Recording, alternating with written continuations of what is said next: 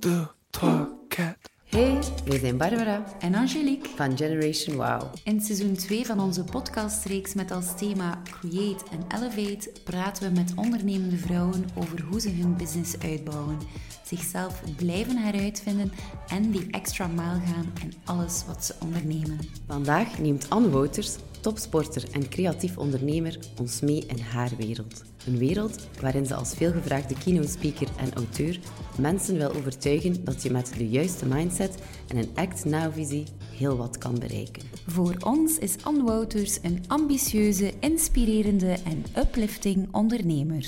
Welkom bij Generation Wow! Hey Anne, welkom in onze 21ste aflevering van onze podcast.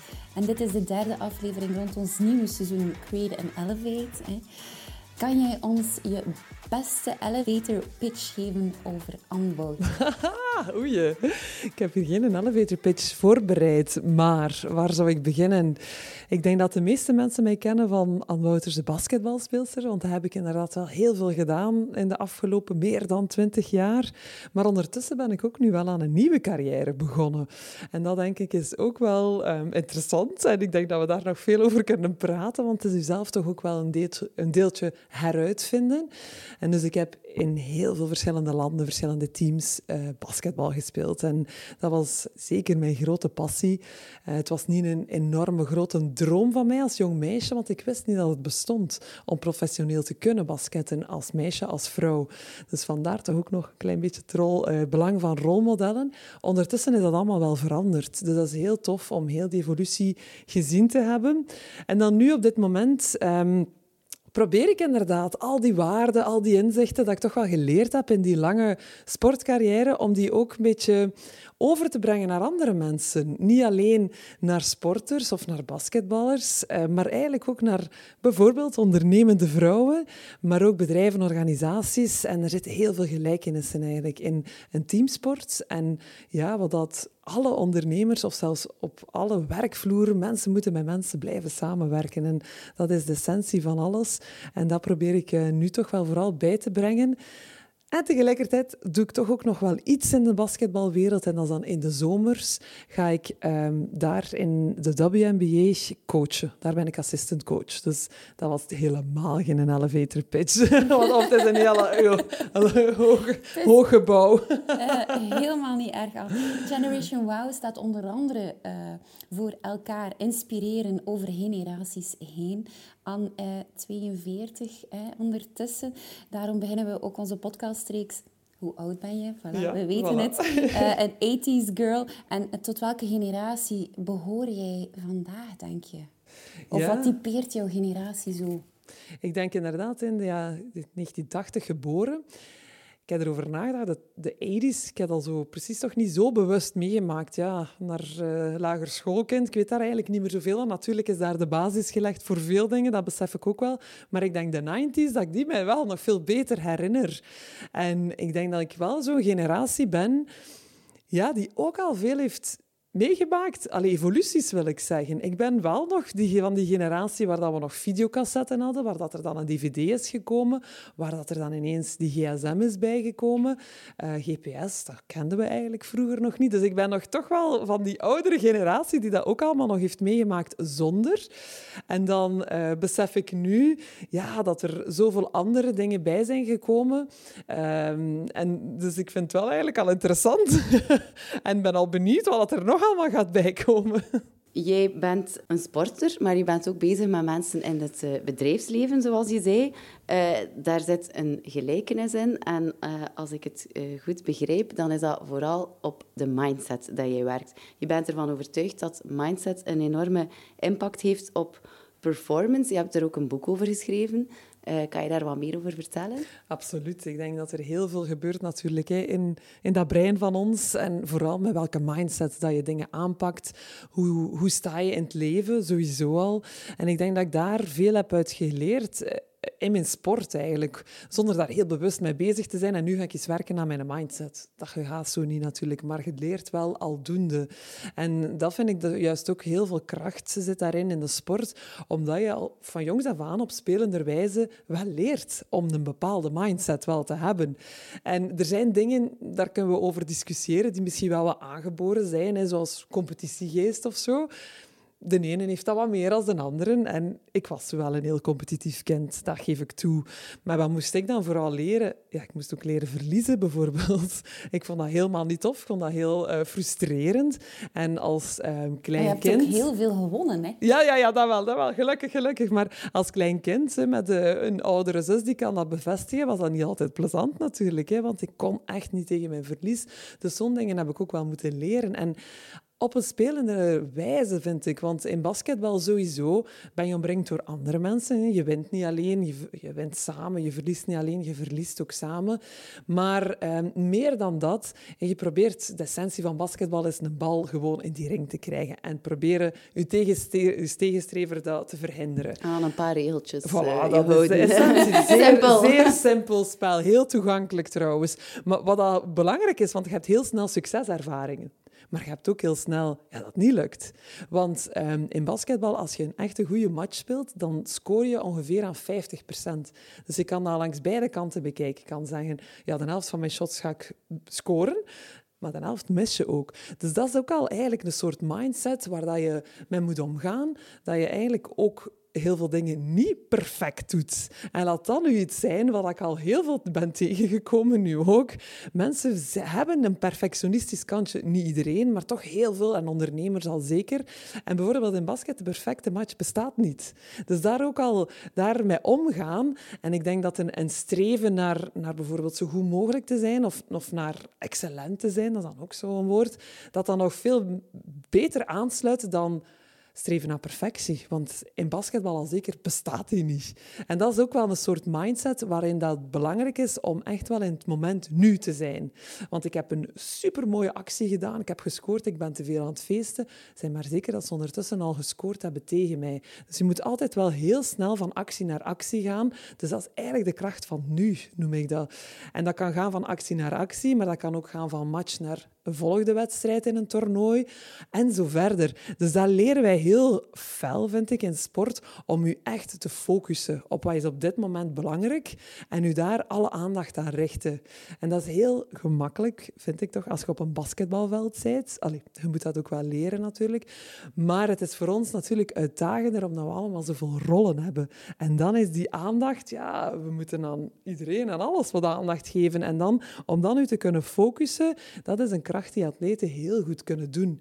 En dat kunnen dan een beetje vertalen, denk ik, naar ondernemers ja, die ook prioriteiten moeten kunnen stellen en die moeten kunnen zeggen, en nu gaan we ons daarop focussen, in plaats van alles een beetje te proberen doen. En wat ik ook interessant vind, is dat je zegt van in het nu te zijn. Ja. Want uh, in een bedrijf ben je ook heel vaak bezig met de toekomst en de plannen voor de komende jaren. Ja. Hoe, hoe, hoe zie je dat, om echt in het nu te zijn? Dat is niet alleen focus, maar ook zo nu. We, we, zitten in het nu. Ja, dat is, dat is echt wel niet zo simpel. En natuurlijk, in sport ook, moeten er plannen gemaakt worden. Want dat is heel belangrijk. Als je een grote droom hebt, moeten er een doelstelling van maken. Want als je geen doelstelling van je droom maakt, blijft het helaas dikwijls een droom. En dat doen atleten ook. Ze hebben een grote droom, maar ze maken er een doelstelling van. En dan kan je een plan gaan maken, dan kan, kan je concrete acties en dan kan het werkelijkheid worden. Maar dat plan, dat is één gedeelte dat je moet maken. Maar dan moet je kunnen focussen in, op inderdaad, wat moet ik nu vandaag doen om die grote doel te bereiken? En in bedrijven is dat net hetzelfde. Ze hebben ook hun, hun dromen, hun, hun doelstellingen die ze moeten halen. En toch moet je ook kunnen focussen op wat nu belangrijk is. Daarin boven komt dat we in de sport eigenlijk ook dikwijls terugkijken. Wat was er goed? Wat kan er beter? En dat zijn dan die feedbackmomenten die heel veel aanwezig zijn in sport op verschillende manieren. Tijdens een wedstrijd kan dat een time-out zijn. Dat zijn korte boodschappen en dit en dat. En dan worden de richtlijnen gegeven.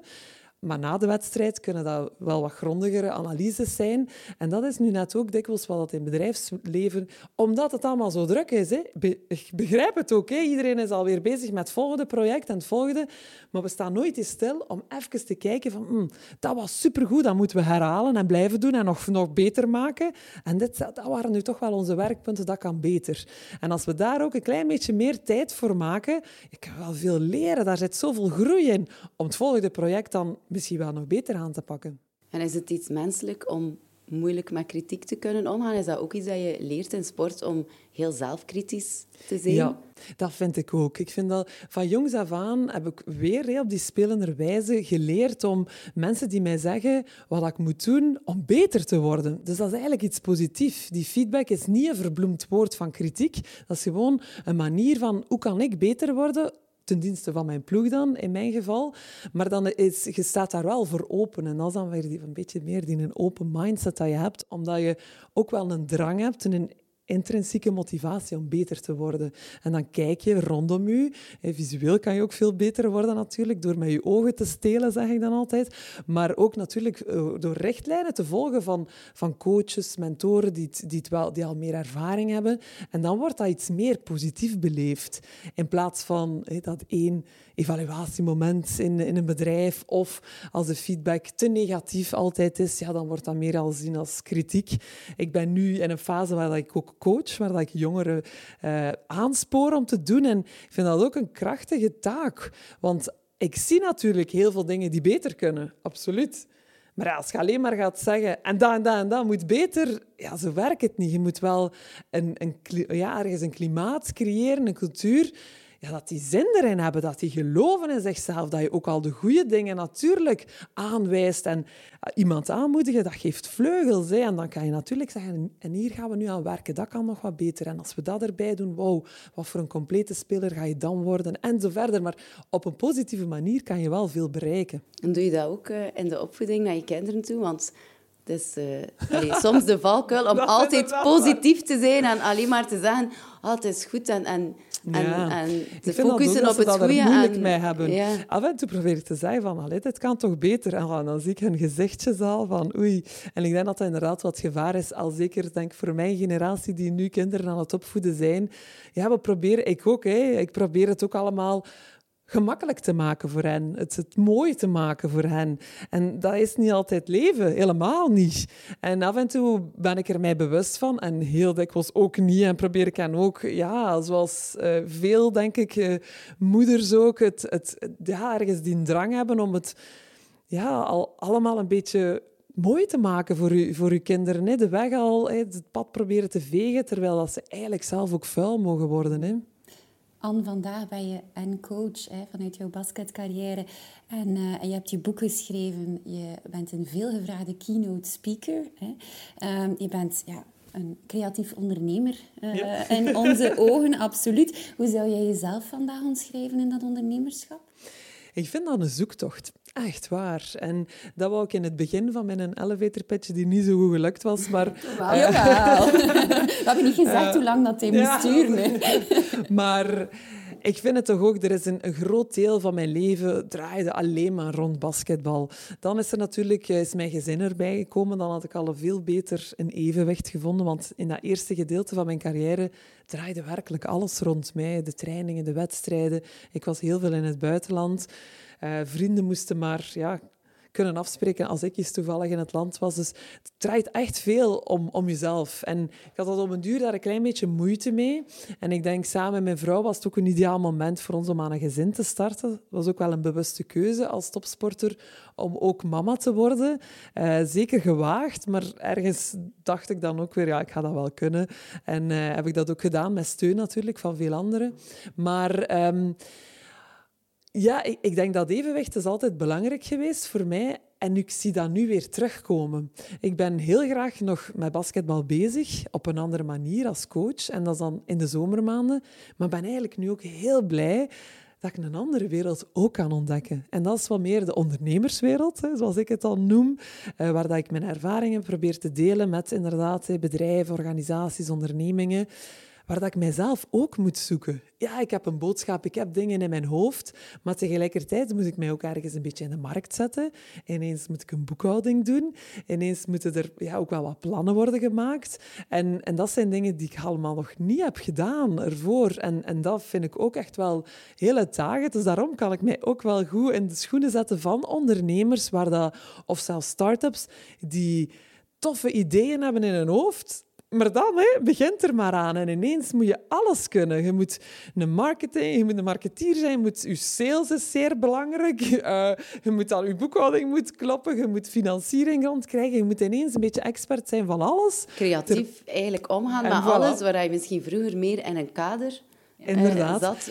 Waar dat ik in, vroeger mijn mijn verantwoordelijkheden waren heel duidelijk wat ik moest doen. En die zijn nu gewoon wat vager geworden, wat ik ook meer vrijheid vind. En dat, dat, dat vind ik nu ook heel tof om te ervaren. En wat je zegt, dat maakt jezelf ook wel wat creatiever. Want vroeger, inderdaad, moest ik basketten. En daar was ook wel creativiteit voor nodig. Om een goede basketter te zijn, heb je ook echt wel creativiteit nodig. Maar nu is het toch wel... Ik ben nu meer baas van mijn eigen agenda. Ik kan op dingen ingaan, ja of nee. Dus er is wel meer vrijheid wat dat dan ook weer soms onzekerheid brengt. Mogen we het met jou eens over uh, ja, centen hebben? Want ja, een creatieve business uh, gaat niet gepaard zonder, zonder centen natuurlijk. Hè. Uh, dan komt er ook geen groei. Hè. je bent heel vaak ja, het, het, de stem al geweest hè, van de Belgische nationale vrouwenbasket. Um, het is wel zo, in vergelijking met de mannen zijn daar nog altijd veel minder bonussen te rapen, als we het zo mogen Zeker. noemen. Hè. Um, ja, spelen voor een nationaal team, dat is een hele eer, maar daar gaan veel budgetten mee gepaard. Um, hoe zie jij die wereld nog verder evolueren? Want het is wel echt aan het evolueren. Hè, nu. Ja, het is echt wel een hele positieve evolutie. Zaak, ja. En toch moeten we blijven strijden. Dat is zoiets... Um, meer en meer, en ik denk hoe ouder dat ik werd, hoe meer dat ik daarmee bewust van was, um, of van ben. Dat er inderdaad dat er al een hele strijd achter ons ligt, maar dat er toch nog veel voor ons ligt ook. En ik geloof daar enorm in. In de groei nog, in het potentieel wat dat vooral in die vrouwensporten zit.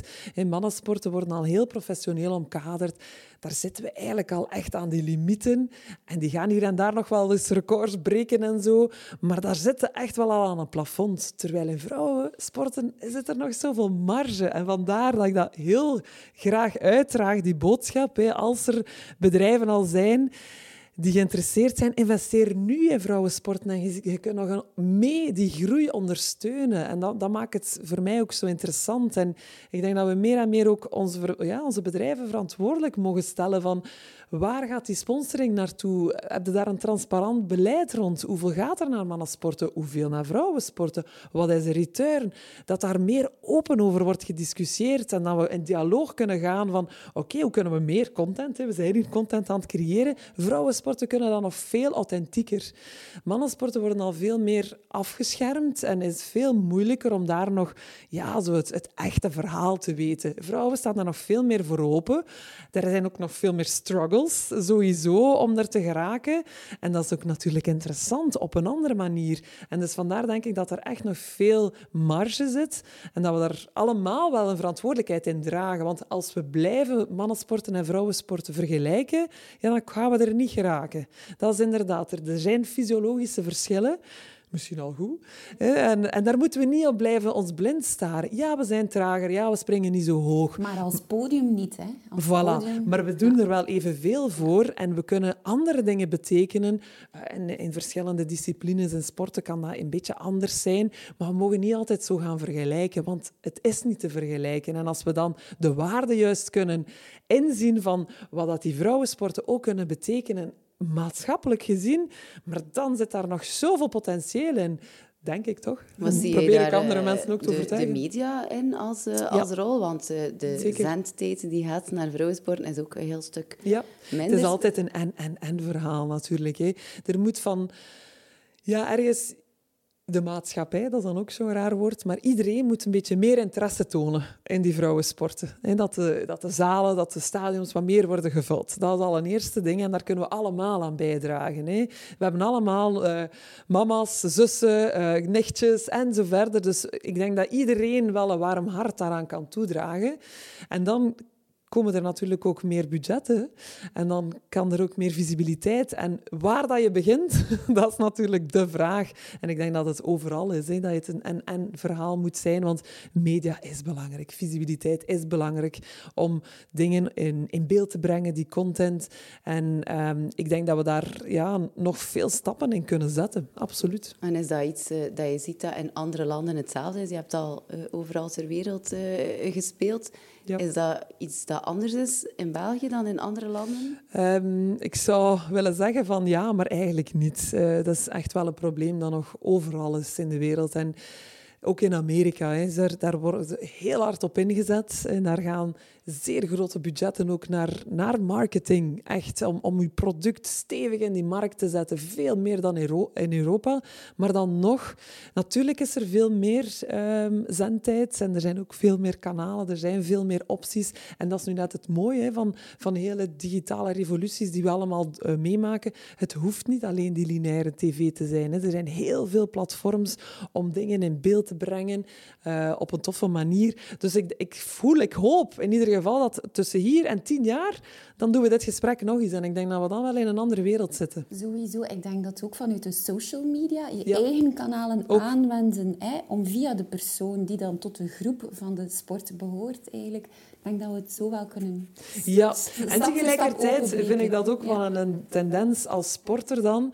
Hey, word, je, word je je eigen brand.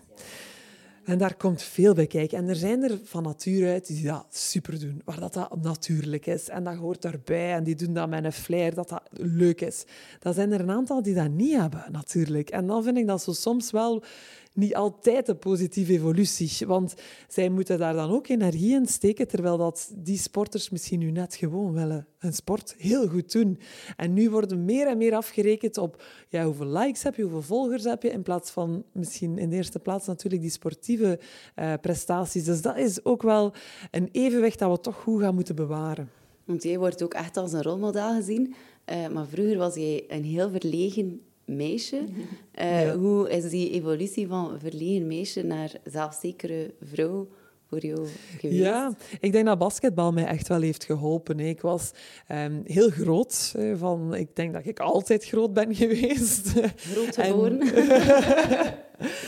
dus... Um, en ik wou eigenlijk niet opvallen. Dat zat niet in mijn karakter. En, en ja, dat was natuurlijk heel moeilijk als je er altijd een kop bovenuit steekt. En dan door te basketten was dat iets positiefs geworden, die lengte. En dat gaf mij gewoon veel zelfvertrouwen. Ik werd veel zelfzekerder. Ik vond dat ook leuk om goed te zijn in iets, om nog beter te worden, om de beste te worden en zo verder. Dat ik vond dat, dat was een drang in mij, dat, dat ik heel tof vond om te ervaren. En dan ja, het, ik denk het allerbelangrijkste, zelfs als verlegen, misschien introvert iemand, was in een team spelen omdat je daar automatisch ja, sociale contacten hebt, want je bent wel samen iets aan het doen, zonder dat je daar het hoge woord moet voeren, zonder dat je een tafelspringer moet zijn, maar je bent wel betrokken in iets. En laat dat nu ook toch wel een, een beetje een oerverlangen van ons allemaal zijn. Hè? We willen toch behoren tot iets. En um, dat was voor mij toch wel echt in die basketbalwereld, dat heeft me echt geholpen. En ja, ik denk dat ik daardoor gewoon ook heel veel dingen heb kunnen meemaken natuurlijk. Heel veel heb kunnen reizen, veel verschillende mensen heb kunnen tegenkomen. Ja, wat dat je altijd helpt en sterkt in van, ah ja, oké, gewoon je, blik verruimen op de wereld. Dat, dat is eh, zo een cadeau geweest voor mij. Absoluut, dat brengt ons ook bij jou. Ja, dat inclusieve leiderschap, hè, dat jij ook zo een super warm hart toedraagt. Uh, je hebt er ook uh, jouw keynote al de inhoud aangegeven. Um, ja, is daar nog veel ruimte, de uh, way forward, uh, die inclusiviteit? Hoe, hoe, hoe, zie je dat? Want je hebt al heel veel gereisd en in ja. heel veel culturen ook. Uh...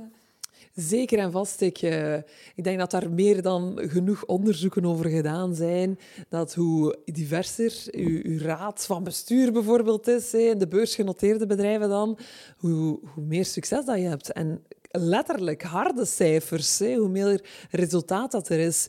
Dus ik denk dat we daar niet over moeten gaan discussiëren, over het belang daarvan. Hoewel dat, dat soms nog wel eens wordt aangekaart, van ja, waarom is dat nu wel zo belangrijk? Maar die diversiteit en dan inclusie daar nog bij, is toch wel cruciaal. En ik denk... Um, ja, dat ik me ergens voel van... Ik heb ook veel geluk gehad in mijn leven. En ik wil ook daarop blijven wil ergens iets terug doen ook. Ik, zie dat, dat we echt al veel ehm, ja, mensen voor ons dingen hebben gedaan die ik misschien vanzelfsprekend vond, maar eigenlijk waren die niet vanzelfsprekend. Als je 50 jaar geleden kijkt, als vrouw, zelfs hier in België, het leven zag er wel helemaal anders nog uit. En dat, dat zijn dingen die ik al oh, volledig vanzelfsprekend vind. En ik vind dat nu ja, mijn taak ergens ook wel is, mijn verantwoordelijkheid, om daar mee nog aan bij te dragen om nog naar een inclusiever beleid te gaan, nog veel meer vrouwen in topposities krijgen, omdat ik denk dat daar gewoon de wereld beter van wordt. Is sport daar een katalysator in die uh, Ja, daar, in de sportwereld op zich hinken we ook enorm achter. Hè? Dus daar moet ook nog een evolutie gebeuren, hè? wat we net zeiden in de media, de visibiliteit van vrouwelijke sporters, hè? dat kan nog allemaal veel groter. Maar uh, hetzelfde naar bedrijven naar leidinggevende functies voor vrouwen. En dat is nu enkel en alleen op gender, want inclusie en diversiteit gaat over veel meer dan, dan enkel over gender. Maar dat is nu iets ja, wat mij ook wel nauw aan het hart ligt en wat ik zie, dat er heel veel potentieel zit bij vrouwen, maar dat we elkaar toch moeten blijven aansporen, omdat het ook niet altijd zo gemakkelijk is, hoor. Als je in omgevingen komt waar dat je niet altijd welkom voelt, ja, is het niet, niet zo gemakkelijk om die verandering te zijn. Dan is het gemakkelijk om het te zeggen, maar heel moeilijk om het in praktijk te doen. Tegenslagen, uh, het hoofd bieden en in niet gemakkelijke situaties terechtkomen, dat is ook iets dat je als sporter uh, ja, in terechtkomt. En uh, in jouw boek The Game of Life vertel je ook over het belang van weerbaarheid en hoe je jezelf veerkracht kan aanleren. Dat zijn skills, je hebt het al eerder aangehaald, die ingebakken zitten in de sportwereld en dat je daar echt meekrijgt. Maar ze zijn ook essentieel om de game of life te winnen. Hoe hoe moet men of hoe ga jij om met tegenslagen? Ja, ik wil dat ik ook gewoon één oplossing had. Hè. Dan kunnen we het allemaal doen, maar dat is ook niet natuurlijk. Hè. Er zijn een aantal dingen die voor mij helpen. En dat wil ik zeker in mijn nederigheid zeggen. Ik heb ook niet alle oplossingen hoor. Er zijn gewoon een aantal dingen die voor mij hebben geholpen en die ik denk dat misschien wel voor veel mensen kunnen helpen. En dat gaat over bijvoorbeeld routines. Ik denk dat heel veel zit in als je tegenslagen hebt of, of er zijn van verschillende orders natuurlijk, hè, tegenslagen maar als je dan uh, gezonde routines hebt, ja, die blijven nu ja, doen gaan. Um, ik ga misschien gewoon een voorbeeld van mezelf geven. Hè, en ik wil me daar zeker heel kwetsbaar in opstellen, want net voor de Olympische Spelen hadden we nog een EK met de Belgian Cats. En ik had een heel jaar mij voorbereid om daar ook aan deel te nemen. En dan uiteindelijk was er beslist dat ik toch niet mee zou gaan naar dat EK. Dat kwam echt wel als een slag in mijn gezicht. Ik had dat ook niet zo hard zien aankomen. Dat is wel dan doorsproken geweest en zo. Maar dat was toch een moment dat ik dacht van, wow, uh, en nu? En dan op zo'n momenten, en dat is in vergelijking met sommige anderen, nee, is dat niks. Hè. Ik kan ook heel goed relativeren. Maar dat was in mijn geval op dat moment echt wel een klap in mijn gezicht. En dan heb ik gemerkt van, ah oké, ik sta eigenlijk wel stevig in mijn schoenen. Want na een paar dagen voelde ik me wel veerkrachtig en ik kon daarmee omgaan. En dat zijn verschillende dingen die mij hebben geholpen. Ten eerste, ja, die routines gewoon blijven verder doen wat je aan het doen waart. En die volgende morgen gewoon naar training blijven gaan, zoals ik de, de dag daarvoor deed. Ook al was, die, was dat even moeilijk. En dan zijn routines zo cruciaal om te blijven gaan. Dat is dan ook je sociaal uh, netwerk, dat echt wel van levensbelang is. En weten dat, dat je op hen kan rekenen in moeilijke tijden, maar dat je er ook bent voor hen als zij het nodig hebben. En ik denk dat we daar toch ook echt die sociale connecties, wat we allemaal toch wel wat gemist hebben in die coronatijden, hoe belangrijk is dat? En, en, dan ook durven zeggen dat je het moeilijk hebt. Voilà, en eh, durven aangeven van ik, ik heb eigenlijk even hulp nodig. Ik, ik heb een schouder nodig om iets op te wenen. Of, of ik heb je raad nodig. Geef mij oprecht, uh, wat, wat denkt jij? Hoe, hoe zie je dat nu alleen maar via mijn ogen? Eh, geef mij geen ander perspectief. Ik denk dat dat ook belangrijk is. Mensen die je uitdagen in je omgeving. Niet alleen de ja-knikkers natuurlijk, want in C heb daar ook niet altijd veel aan. Je hebt echt wel mensen nodig die je soms een keer uitdagen. En ik denk, uh, waar dat we daar net al over gesproken hebben, over die mindset, dat die flexibel moet kunnen zijn. Dat je moet kunnen meebewegen met wat dat er komt op je pad. En dat je daar toch een zekere flexibiliteit voor moet hebben. En dat daar uh, heel veel marge, heel veel groei in zit. Als je daarmee om kunt gaan ja, dat niet allemaal volgens plan loopt. Dat het goed is om een plan te hebben en dat je dan af en toe een keer moet kunnen aanpassen. Dat is dan toch ook wel uh, een hele belangrijke. Hoe, ga je daar in een team mee om? Als er een verandering moet komen, hebt er die gemakkelijk meegaan en flexibel zijn. Je hebt andere mensen die niet zo flexibel zijn en die vast willen houden aan wat was. Hoe kan je zorgen dat een groep dan zich toch ook mee beweegt uh, en flexibel is. Ja, dat komt ook wel een beetje op leiderschap. Hè. Dat is ook iets wat dat toch wel belangrijk is binnen teams. En um, ik denk, dat is, dat is een andere vaardigheid, vind ik, dat je ook kan leren. Ik denk dat ik ook heb geleerd om een leider te zijn en dat er zoveel verschillende manieren zijn van leiderschap. En om een groep mee te krijgen, dat kan op verschillende manieren. Dat hangt ook af welke groep dat je hebt voor je. En zijn er een aantal die, die je moeilijk kunt overtuigen, uh, vocaal, maar misschien door dingen te doen samen gaan ze het wel inzien. Er zijn superveel manieren natuurlijk om, om uh, ja, die groep mee te krijgen. En ik denk dat daar heel cruciaal is dat, dat je weet naar waar dat je naartoe wilt als groep, als je een gemeenschappelijk doel hebt. En dat is natuurlijk in sport heel concreet. Hè. Je wilt samen winnen, je wilt samen naar die Olympische Spelen gaan. Ja, concreter dan dat kan het niet worden. Dus dat is natuurlijk uh, al de basis. En als iedereen hem daarachter zet, ja, dan is dat net zo krachtig om, om daar naartoe te werken in verschillende manieren, in verschillende rollen. Want in dat team zijn er ook veel verschillende rollen natuurlijk. Er zijn er die heel veel scoren, er zijn er die de assist geven, maar er zijn er ook die op de bank zitten. Dus er zijn echt wel veel verschillende rollen natuurlijk binnen een team om daar naartoe te geraken. En dat is natuurlijk ook iets uh, waar je op moet werken. Je zet ook... Uh hard in op uh, via Game Changers. Dat, dat, is ook een heel mooi uh, initiatief waar jij mee achter zit. Onder andere met um, Tia Hellebout en Kim Gevaert. Hè. Wil je je inzetten voor vrouwelijke representatie vanuit de sport, maar dan voornamelijk in die bestuursfuncties. Hè. Um, vanuit data van Sport Vlaanderen blijkt dat vrouwen voor 41% deel uitmaken van Vlaamse sportclubs maar dat dit nog niet vertaald is naar hun representatie eigenlijk in het bestuur daarvan. Hè. Game Changers wil informeren, sensibiliseren, vacatures zichtbaar maken, ja. plaatsen creëren voor vrouwen om te besturen, zeg maar. Hè. Hoe is de stand van zaken daar? Waar staan jullie op dit moment en zien jullie het naartoe evolueren? Ja, dat is toch een strijd ook hoor, ik geef dat toe. Um, en dat gaat ook wel in golven, om alle, in alle eerlijkheid. Hè. En dan zijn er zo momenten met heel veel passie dat we daar naartoe werken. Bijvoorbeeld hè, naar een evenement, 8 eh, maart, Dag van de Internationale Vrouw. Dan wordt er ineens alles gedaan rond die vrouwen. En dan voel je superveel enthousiasme en passie bij iedereen. En dan is dat weer wel, dan dijt dat weer wat weg. En daar begin ik mij nu zo ook vragen bij te stellen van oei, dit, dit is misschien toch niet de manier om het te doen, om zo één evenement te hebben per jaar.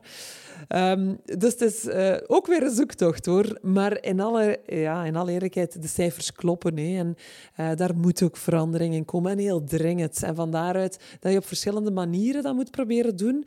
Uh, door mensen sowieso die nu al in die sportwereld zitten, die nu in die bestuursraden zitten, dat die ook ten eerste het, het besef hebben dat, daar, ja, dat dat wel wat diverser zou mogen dat daar plaatsen worden gecreëerd, maar dat die vacatures ook op een open manier worden gecommuniceerd, want daar gaat het ook dikwijls fout. Um, men vertelt ons wel eens, wat we vinden vrouwen niet. Maar heb je wel goed gezocht? Heb je ze wel op een goede manier gecommuniceerd? Wat houdt dat precies in, een bestuursfunctie? Want in alle eerlijkheid, er zijn heel veel vrouwen die, die toch nog altijd de eerste prime, uh, de eerste caretaker zijn van, van het gezin. En die, die daardoor ook wel heel bewust omgaan met welke engagementen dat je daar nog bij neemt. Wat op zich niks fout mee is. Maar als je daar ook als, als sportfederatie of als club beter mee om kunt gaan, dat we misschien niet al die vergaderingen s'avonds moeten zijn, of misschien een keer over de middag, of, of iets creatiever mee doen. Of wie weet iets samen doen en de kinderen kunnen meekomen of zo. Er zijn zoveel verschillende manieren om mensen aan te trekken. Maar helaas wordt dat nu nog altijd redelijk ja, op dezelfde manier gedaan, zoals het ja, 50 jaar geleden waarschijnlijk ook al was. Dus daar moet nu wel verandering in komen. En dat gaat traag. Dat gaat voor mij iets te traag. En traag, dat staat waarschijnlijk niet zo in je woordenboek. Ah, ik heb nog nooit een trage badkater gezien, eigenlijk. Je, je, je, staat nu eigenlijk met één been in het bedrijfsleven, maar ook nog altijd met één been in uh, de basketbal. Zie jij je ooit een leven hebben waar basketbal geen rol meer inspeelt? Is dat iets dat je denkt dat je ooit zou kunnen loslaten? Ik denk het wel, ja. Ik heb onlangs eens moeten vragen mijn droom. En ik denk dat ik daar gezegd heb, in plaats van te zeggen ik wil coach worden van eh, de WNBA als eerste Europese vrouwelijke coach of ik weet niet wel, dat heb ik niet gezegd. Hoewel dat misschien de stille ambitie is. Maar ik zou misschien graag wel eens een bedrijf leiden. Echt waar, ik, om te zien hoe dat, dat is van binnenuit. Want nu kom ik in heel veel bedrijven, maar ja, het is toch nog altijd van de buitenkant dat ik het zie. En dat ik wel probeer tips en tricks mee te geven.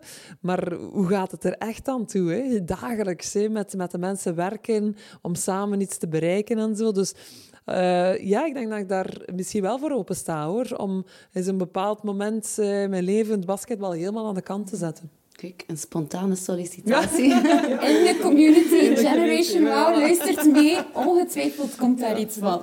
Wie weet, ja. Moest je dan die kans krijgen om een bedrijf te leiden, zou je um, veel sportinitiatieven uh, meenemen naar het bedrijf en, en dat als in die cultuur willen inwerken? Ja, ik denk dat er heel veel in sport zit. Hè. Ik wil ja, de fysieke activiteiten op zich, denk ik dat daar ook heel veel variëteit in moet zitten, maar dat dat, dat wel iets verbindend heeft, sowieso. Um, waar dat je ook natuurlijk moet kijken dat uh, niet iedereen houdt van fietsen, niet iedereen uh, zwemt graag of gaat graag lopen, maar je vindt wel altijd iets waar dat de meeste mensen zich ook wel in kunnen vinden en wat al laagdrempelig is. Dus ik denk dat daar al belang is, maar ik denk meer de andere waarden van teamwork en zo, dat ik dat wel heel hard zou meebrengen naar, naar zo'n een organisatie of een bedrijf waar ja, waar mensen ook weer met mensen moeten samenwerken, waar dat je moet proberen zo helder mogelijk communiceren, waar dat, dat goed voor ogen moet uh, zijn, dat iedereen weet elke dag waar, waarom werken we hier, waarom willen we dat extraatje doen. Want daar gaat het eigenlijk om. En meer en meer, denk ik, met jongere generaties ook, die willen ook meer weten waarom. Waarom doen we dit? Niet zozeer om op het einde van de maand uh, dat loon te krijgen, dat is belangrijk, absoluut. Hè. En wat we daarnet zeiden, hè, uh, geld is belangrijk. Hè. money uh, matters. En dat is zeker en vast in, de, in, in sport ook. Dat is een manier om ook mensen echt te doen inzetten daarop. En daar geloof ik ook in. Maar vooral dat mensen toch op zoek zijn naar de zingeving. Waarom? Want werk is misschien minder een uh, we gaan niet meer echt naar een werk, niet meer naar een plaats, maar het is meer een activiteit geworden. Hè? En het is op verschillende manieren, hybride en zo verder.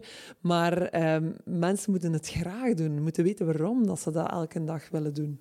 En de rol van supporters daarin, in sport is al vrij duidelijk, maar in het werkleven heb je misschien ook wel supporters aan de zijlijn nodig. Hoe ervaar jij het belang van supporters? Ja, dat is cruciaal geweest. Ik, dat is bij mij een beetje de noemer van dat sociaal supportsysteem. En um, elke topsporter, dat, dat is algemeen geweten, die entourage is super cruciaal. Om op je best te kunnen zijn, moet je echt wel een, een goede entourage ook hebben. En dat, kunnen, dat kan gaan van van ouders, van familie, maar van vrienden. Dan komen daar andere experten ook wel wat bij, van managers, advocaten, financiële adviseurs en zo verder. Maar dat is een brede entourage. En ik denk dat we allemaal ook nood hebben aan mensen op wie dat je kunt rekenen.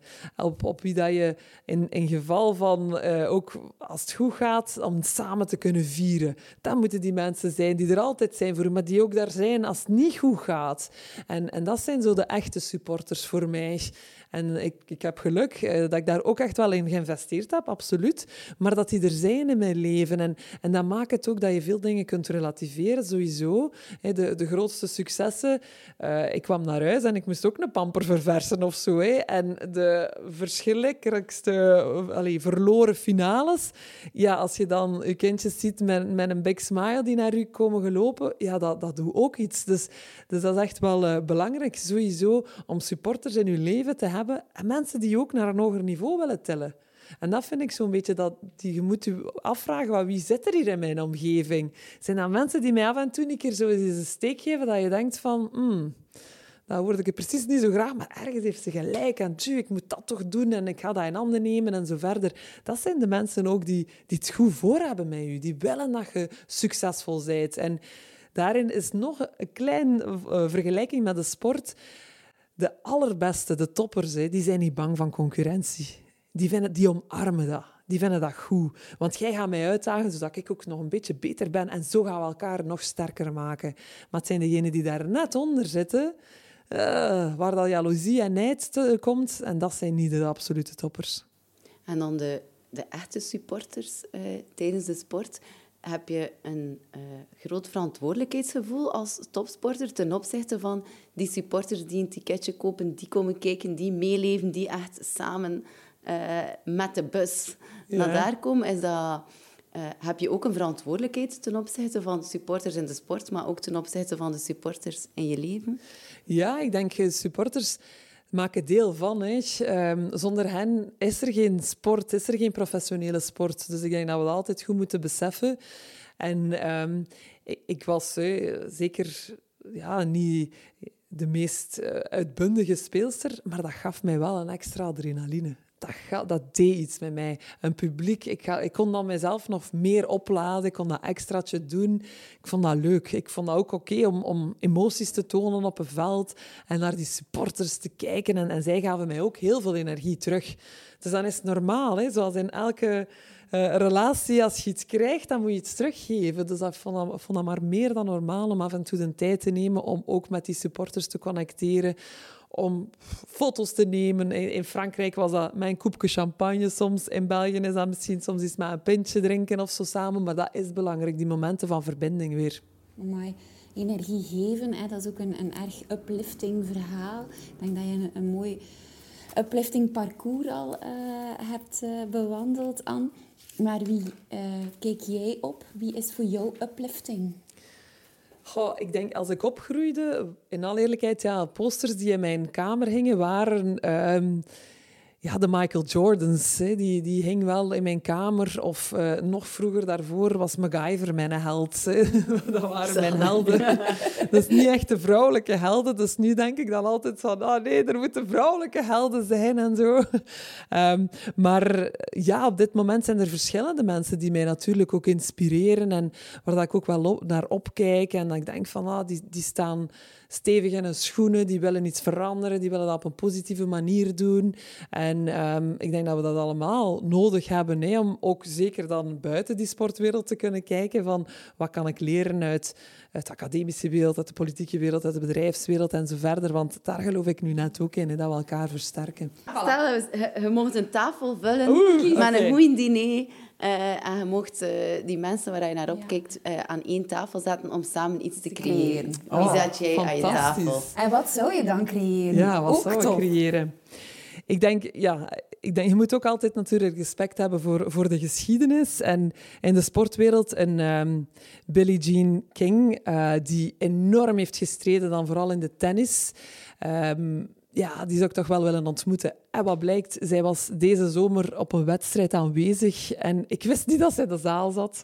Achteraf gezien heb ik dat maar geweten. Maar dat is nu wel iemand waar dat ik graag toch eens mee aan tafel zou zitten. Want zij heeft ook in de jaren zeventig ja, dingen gedaan uh, voor het tennis. En echt wel gevochten. Uh, een, een, voorvechter voor die gelijke rechten uh, tussen mannen en vrouwen in, in de tenniswereld. En ehm, daar kunnen we inspiratie uit halen. Hoe dat zij haar zo kwetsbaar heeft opgesteld om daar voor te vechten. Dus dat zeker iemand... we dat zeggen? Wij vinden dat de vrouwen meer uitblinken in de tenniswereld dan de mannen. Is dat niet? Um, ja, maar hoe komt dat? Omdat zij en, en haar generatie, er zijn er nog natuurlijk, hè, daarvoor gevochten heeft en uh, gelijk prijzen gehaald. Het is de eerste in, in de sport, is al enkel in tennis, maar al de rest nog niet. Dus daar zien we dat dat 50 jaar geleden zijn, zijn ze daarmee begonnen. Dus, dus er is echt wel nog een weg af te leggen. En ik vind dat ook. Ik vind dat eigenlijk heel mooi om naar, naar vrouwentennis te kijken. Soms ja, ook mooier dan, dan mannentennis. Um, maar allee, niet dat ik wil vergelijken, want ja, ik zeg net dat we dat niet mogen doen. Uh, er, daar zit allee, schoonheid in alles natuurlijk, in, in die verschillende sporten. Maar dat, dat is nu toch al iemand die op mijn lijst staat. Um, ik ben ook wel fan van Brene Brown. Jullie ook bekend waarschijnlijk. Uh, ook ja, heel outspoken, maar ook op een kwetsbare manier. Daarvoor is ze natuurlijk gekend met haar eerste TED-talk waarschijnlijk. Maar zij, zij brengt ook veel gasten samen vind ik ook interessant om naar haar te luisteren. Zij zit dikwijls in mijn oortjes. En uh, van haar gasten leren dan ook weer veel bij. En hebben allemaal interessante verhalen, achtergronden, waar dat zij meer het maatschappelijke, het sociale uh, kant wilt bekijken, omdat zij meer eh, academische achtergrond heeft, vind ik dat ze toch ook zelf um, ja, onderneemster is. Hè? Ja, ze is socioloog. Ja, ze is sociologe, maar ze heeft nu zelf haar eigen bedrijf, waar dat ze ook in heel wat ja, zelf gaat coachen binnen andere grote bedrijven en met andere leiders werkt en zo. Dus vind ik ook wel dat zij die toon, hoe dat zij praat, staat mij aan. Dat is zo niet van, ik weet het hier allemaal, luistert maar naar mij. Nee, want ik was veranderd ze wel eens van gedacht ook. Van ja, ik heb dat zo nu een paar jaar gedaan, maar eigenlijk vind dat dat toch achterhaald is. Ik ga dat updaten. Ik ga nu, allez, dit is nu hoe dat voelt. Dus dat vind ik altijd leuk aan mensen, die dat kunnen aangeven van, kijk ja ik denk dat dit oké is nu, maar wie weet is dat binnen twee jaar achterhaalt, dan gaan we het op een andere manier. Dus het is maar normaal eigenlijk, maar toch zijn er veel die dat niet kunnen. Mhm. Ja, ik denk dat dat ook jou typeert. Hè? Dat feedbackmoment valt daarin samen in een act now. Ja, ik vind dat heel... Ja, dat zijn echt wel twee belangrijke waarden die uh, in de sport zitten en die ik zelf ook probeer toe te passen. Want ja, ik, ik, ik heb ook echt een open mindset. Ik ben nieuwsgierig. Ik wil dingen bijleren. En ik weet zeker niet alles, absoluut niet. Maar ik heb wel zin om bij te leren. Dat is een, eh, een hele mooie afsluiter. Uh, we hebben nog één vraag die we jou willen stellen. En dat is, uh, wat is de beste tip die je ooit hebt gekregen om je in je parcours naar een hoger niveau te tillen? En wat zou jouw beste tip zijn voor onze luisteraars? Oeh, oké, daar ben ik niet zo goed op voorbereid. Um, en nogthans, ja, daar sluiten jullie altijd mee af. Waarom heb ik daar niet over nagedacht? Ja, maar dat is niet erg. De beste tip... Misschien wel dat het oké is om van gedachten te veranderen, wat ja, je daarnet voilà. zei. ik denk het ook. Dat dat oké is, hè, om inderdaad, dat je het niet allemaal weet. En je hoeft het ook niet allemaal te weten. En zolang dat je maar nieuwsgierig bent, hè, dat, denk dat dat iets is dat echt wel... Waar dat ik, ja, ja, dat een beetje mijn motto wel mag zijn zelfs. Hè. Dat leeft nu, maar ik weet zeker niet alles. En ik ga hopelijk nog zoveel mogelijk bijleren om, om andere inzichten misschien wel te krijgen.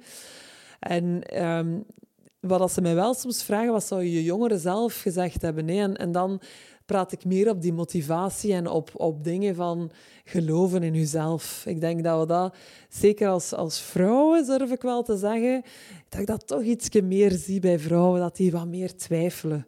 En dat ik denk van, nee, allee, doe maar. Het komt goed hoor, zolang als je maar in actie zelf treedt, niet te veel twijfelen af en toe beredeneert wel, iets durven ondernemen maar dat daar eigenlijk wel om draait. Is dat ook niet een beetje typisch Belgisch als je dat vergelijkt met andere landen? Absoluut. Daar heb ik ook wel het voordeel dat ik echt wel in verschillende culturen heb gespeeld.